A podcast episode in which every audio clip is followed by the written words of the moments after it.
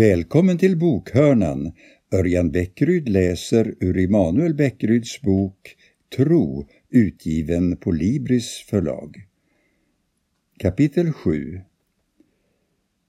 Vi kan ana Guds kärlek och även uttrycka något av den, men det blir aldrig mer än ett vagt återsken, en ofullkomlig karikatyr av det Gud har tänkt för oss. Detta är den kristna trons diagnos av mänskligheten, ja, av hela vår värld. Synd handlar i grund och botten om fiendskap med Gud. Det är en dyster diagnos, en andlig cancer som kräver en omfattande operation för att patienten ska bli räddad. Det räcker inte med att försöka vara allmänt snäll, att försöka förbättra sig själv. Vi kan inte operera oss själva. Vi behöver hjälp av en riktig kirurg, en radikal operation. Och därför är kyrkans budskap goda nyheter. Gud har själv gript in i historien. Han har sänkt sig till vår nivå. Ja, han har inkarnerat sig, det vill säga blivit människa i Jesus från Nasaret. Genom Jesus har Gud en gång för alla tagit itu med syndens problem. Diagnosen är så allvarlig att inget annat kan hjälpa oss. Nu innebär detta inte att vi ska svartmåla andra människor. Aposteln Paulus skriver att alla har syndat och gått miste om härligheten från Gud. Därför är det inte tal om att döma någon. Diagnosen gäller ju först och främst mig själv. Vi ska inte förringa synden, men vår uppmärksamhet bör inte vändas mot andra utan mot oss själva. Varför ser du flisan i din broders öga när du inte märker bjälken i ditt eget? undrar Jesus. Denna medvetenhet om vår brist gör oss ödmjuka och generösa mot andra. Först Myskin Huvudpersonen i Dostojevskijs roman Idioten beskriver sin inställning till en annan av romanens personer så här. Jag kommer aldrig någonsin att betrakta er som en skurk, sa försten. Nu förstår jag att man omöjligt kan betrakta er varken som missdådare eller som fördärvad och förfallen. Ni är enligt min mening bara en helt vanlig människa, kanske ganska svag och på intet sätt originell. En kristen får inte betrakta sina medmänniskor som skurkar eller missdådare, för att nu använda Dostojevskijs ord. Däremot är den kristna synen på människan realistisk. Vi är alla syndare och därför ska vi inte döma andra. I medeltidsklassikern om Kristi efterföljelse kan vi läsa Om du skulle få se en medmänniska begå uppenbar synd eller föröva något svårt brott, då bör du dock inte anse dig själv för bättre, ty du vet inte hur länge du kan stå fast i det goda. Alla är vi skröpliga, men du ska inte anse någon skröpligare än dig själv. Att bli kristen är att vända sig bort från ett självcentrerat liv och söka ett gudscentrerat. Det handlar om omvändelse. Men vår självcentrering är alldeles för ingrodd för att vi själva ska orka med detta. Våra andliga gångjärn har rostat fast i gudsfrånvänt läge och behöver smörjas. Enligt kristen tro finns det bara ett smörjmedel som är tillräckligt effektivt för att lirka upp oss ur vårt fastrostade tillstånd. Den helige Ande. Omvändelsen är alltså framför allt något som Gud gör med oss. Det är Anden som verkar och möjliggör den. Vår roll inskränker sig till att ropa på hjälp. För att återgå till liknelsen om cancern. Vi behöver en andlig läkare och den behandling han utsätter oss för har tre steg. För det första, en livräddande operation som tar bort det mesta av tumören.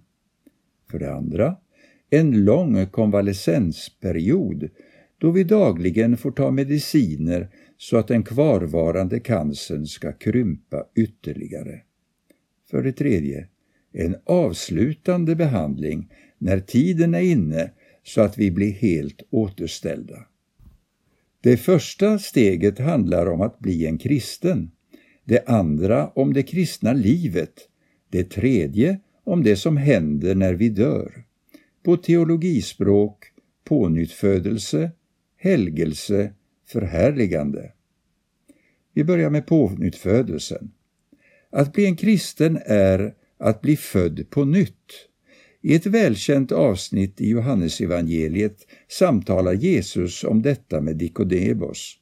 Jesus säger Var inte förvånad över att jag sade att ni måste födas på nytt. Vinden blåser vart den vill och du hör dess sus, men du vet inte varifrån den kommer eller vart den far. Så är det med var och en som är född av Anden. Betoningen här ligger inte på människan utan på Guds ande. Lika lite som barnet gör huvudjobbet under förlossningen, lika lite gör människan huvudjobbet i pånyttfödelsen. Den som agerar är Guds ande. I grekiskan används samma ord för ande och vind och Jesus använder denna dubbeltydighet på ett mycket effektivt sätt. Guds ande är som vinden. Vi har inte kontroll över den, men vi kan tydligt känna dess effekt och kraft. Vi styr inte över anden, den blåser vart den vill. Vi konstaterade i kapitel 6 att Jesus kallar var och en av oss att omvända oss och tro. Det finns alltså en omistlig dimension av mänskligt gensvar i den kristna tron. Gud har gjort något stort i Jesus Kristus och förväntar sig ett gensvar på denna gåva. För att knyta an till en tidigare liknelse är det nödvändigt för oss att riva sönder julklappspappret, annars kommer vi inte åt gåvan. Men samtidigt finns det en dimension av mysterium. Omvändelsen och pånyttfödelsen är konsekvenser av Andens agerande. Gud gör något med oss så att vi kan gensvara. Graden av samarbete, det vill säga var gränsen går mellan Guds handlande och människans handlande, är ett tvisteämne bland teologer. En del betonar Guds handlande, andra lägger större tonvikt vid människans ansvar. För mig har diskussionen mellan nödvändighet och prestation blivit viktig i sammanhanget. Omvändelse och pånyttfödelse är inte prestationer, men samtidigt är människan i någon mån delaktig i dessa händelser. Det är nödvändigt att omvända sig och tro, men det är inte en prestation. Pånyttfödelsen är inte människans verk, hon föder inte sig själv, hon blir född. Men i någon bemärkelse måste var och en av oss tillåta pånyttfödelsen att ske. Låt oss tala om helgelse. Ett nyfött barn börjar omgående växa. Det äter, sover och lär sig hela tiden nya saker. Först livnär sig barnet enbart på bröstmjölk, men snart äter det fast föda. När Hebreerbrevets författare beklagar sig över att brevets mottagare har återgått till att behöva mjölk istället för fast föda är det en slående bild som är lätt att förstå. Tänk dig en tioåring som helt plötsligt vill ha bröstmjölk igen. Det kristna livet är tänkt att vara en ständig tillväxt, en livslång pågående process av fördjupning och mognad på livets alla områden. Denna gradvisa förvandling kallas helgelse. Vad är det då vi ska växa ifrån? Synden och dess livsmönster. Och vad är vårt mål? Helighet. Detta är Guds vilja, att ni ska bli heliga, säger skriften. I den lilla klassikern Helighetslängtan definierar pastorn och författaren Peter Halldorf helighet så här. Att bli helig är att åtskilja sig från något och samtidigt avskilja sig för något. När Bibeln kallar människor heliga är det för att de är åtskilda från synden och avskilda för Gud. Uppmaningen till oss att bli heliga är en utmaning att så fullständigt avskilja oss för Guds räkning att ingen eller inget längre kan göra anspråk på våra liv. Vi är inte till salu. En sådan helighet skiljer oss från mängden, den gör oss annorlunda. Vi människor är i mångt och mycket flockdjur. Vi vill inte skilja oss från mängden. Vi vill inte uppfattas som tråkiga och annorlunda. Vi vill vara som alla andra och göra som alla andra. Kallelsen till helighet är dock en kallelse till annorlundahet. Detta är varken tråkigt eller tungt. Helighet är ett glädjefyllt tillstånd. Det kristna budskapet kallas för evangelium, glatt budskap. Det finns en glädje i att gradvis växa bort från synden. Varje kristen frestas dock att hålla fast vid den. För om nu Bibeln säger att vi har blivit adopterade av Gud, varför ska jag då avstå från det som jag tycker om, även om det råkar vara grundat i ett syndigt begär? Om Gud ändå förlåter, varför ska jag avstå från syndens själviska gärningar? Eller som Paulus uttrycker det, ska vi stanna kvar i synden för att nåden ska bli större? I samma andetag ger han själv svaret, naturligtvis inte.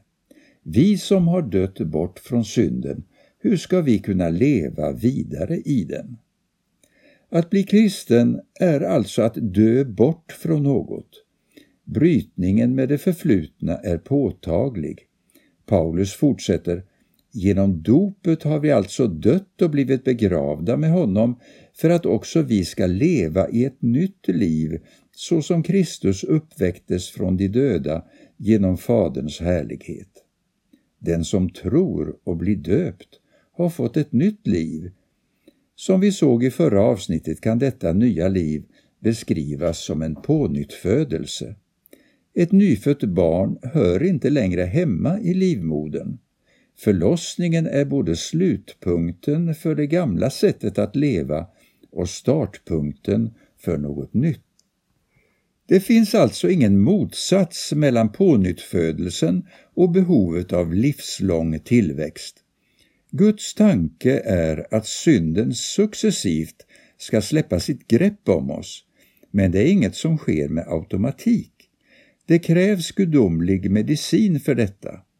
Denna medicin är den helige Ande, som verkar i oss så att vi successivt förvandlas och förädlas. Detta är inget vi kan åstadkomma själva, lika lite som en cancersjuk på egen hand kan få sjukdomen att krympa. Men om den helige Ande får tillträde till våra liv kommer vår andliga sjukdom att successivt förtvina. Det är inte vi som kämpar mot den, det är Gud. Vår roll är att dagligen ta emot den gudomliga medicinen, det vill säga öppna oss för Andens förvandlande kraft. Försöker vi krampaktigt besegra vår själviskhet på egen hand kommer vi att förlora. Men om vi slappnar av och låter den helige Ande verka fritt i våra liv så förädlas vi.